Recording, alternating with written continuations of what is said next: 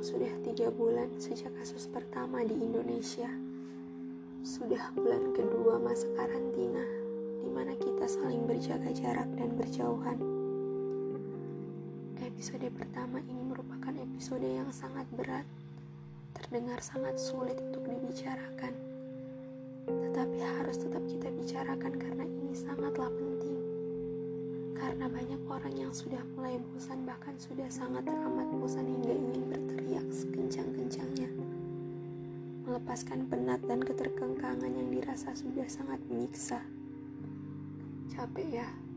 Sama, saya juga sudah lelah. Lelah mengurung diri di rumah, lelah berdiam diri, dan lebih lelah lagi harus berjaga jarak dengan orang lain. Tapi mau bagaimana? Kalau keluar rumah pun saat ini bukanlah pilihan yang baik. Belum lagi harus berjaga jarak walau sudah memakai masker dan cuci tangan. Ditambah kepanikan, kekhawatiran, ketakutan, serta kecemasan saat berada di luar rumah. Takut bersentuhan, takut terhadap orang yang batuk, takut tertular virus, dan masih banyak ketakutan-ketakutan saat berada di luar rumah. Walaupun saya tahu banyak orang yang memang harus tetap bekerja di luar rumah. Bagi orang-orang dengan upah harian, kalau tidak kerja hari ini yang mau makan apa, tinggal pilih mau mati karena corona atau karena kelaparan. Suatu pilihan yang memang benar-benar sulit dan harus dipilih untuk dapat bertahan hidup. Karena pada dasarnya hidup memang suatu pilihan. Memang tidak ada satupun kepastian dalam hidup kita bisa hidup karena kita memilih untuk hidup. Kita yang memilih untuk tetap hidup dan bertanggung jawab atas hidup kita. Saat hidup pun seperti ini, kita tetap mendapatkan banyak pilihan. Seperti sekarang, kita disuruh memilih untuk tinggal di rumah atau bekerja di luar rumah dengan segala konsekuensinya. Semua itu tergantung kepada kita dengan segala kebutuhan dan kepentingan hidup kita masing-masing. Tidak ada yang lebih baik dan tidak ada yang lebih buruk, karena segala sesuatu punya konsekuensi dan tanggung jawabnya masing-masing.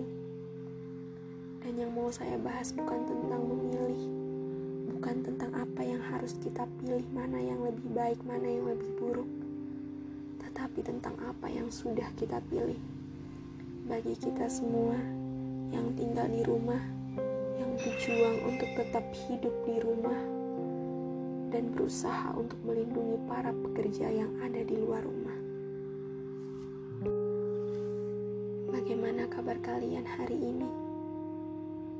Seberapa besar perubahan dalam hidup kalian selama masa karantina ini? Apakah kalian menemukan hobi baru, kesenangan baru, atau melakukan pekerjaan-pekerjaan baru yang sempat tertunda dulu? Pertanyaan-pertanyaan ini sebenarnya ingin saya sekali saya tanyakan. Tetapi bukan sekarang. Bukan waktu yang tepat saat ini. Saya ingin bertanya setelah semua kembali baik setelah saya bertemu dengan orang lain.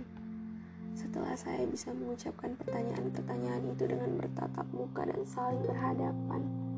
Bukan melalui chat media sosial ataupun video call yang hanya terbatas layar kaca handphone. Sudah banyak pertanyaan dan cerita yang ingin saya bagikan, tapi bukan sekarang waktunya.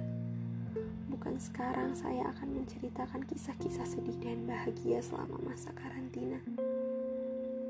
Saya ingin bertemu berbicara secara langsung dengan tertawa bahkan menangis. Tak apa kalau memang seperti itu, tak apa asal saya bisa bertemu kembali dengan semuanya. Tetapi untuk saat ini, untuk waktu yang belum tahu kapan akan berakhir, untuk hidup yang sudah kita pilih.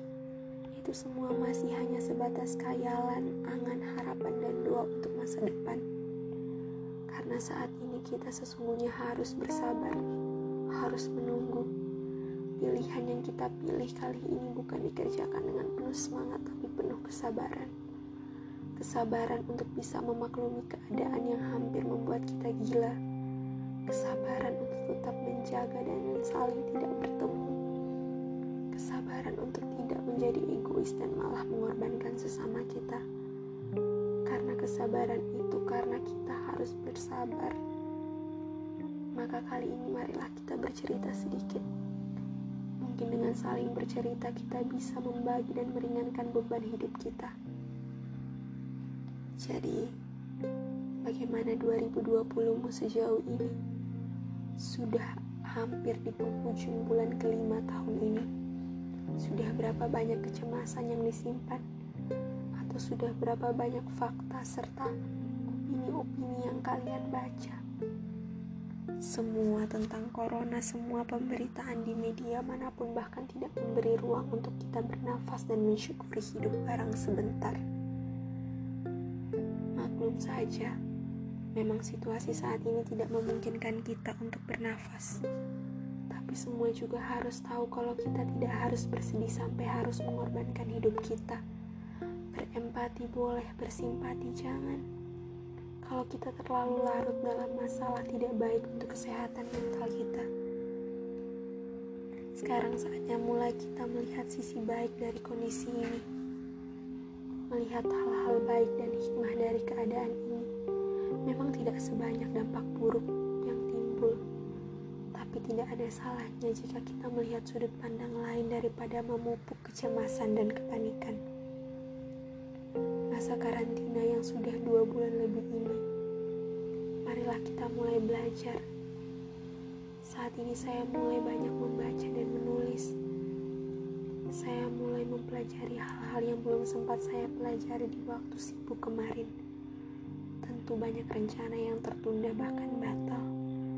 Banyak keinginan yang harus disimpan terlebih dahulu, banyak cita dan mimpi yang sudah diatur secara matang harus tertunda. Tapi tak apa, hidup memang tidak harus seperti rencana kita. Hidup memang punya cara dan kemauannya sendiri tanpa bisa kita atur bisa kita lakukan hanya memilih bagaimana kita akan melanjutkan kehidupan ini.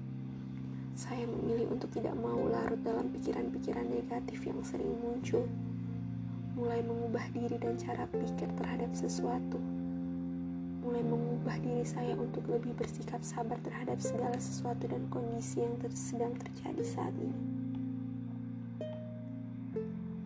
Dulunya kita adalah orang yang tidak pernah mau bersabar kita adalah orang yang selalu ingin mengerjakan segala sesuatu dengan sangat cepat.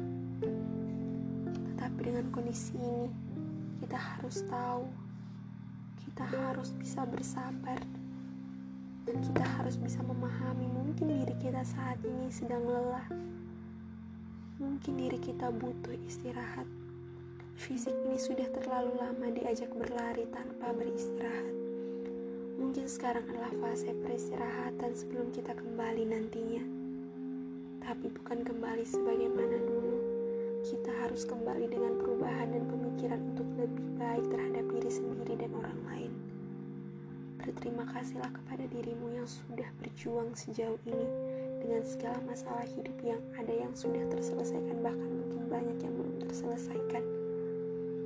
Tak apa untuk berhenti terlebih dahulu Nikmati dulu kesendirianmu saat ini sebelum waktunya tiba dan kita akan berkumpul kembali.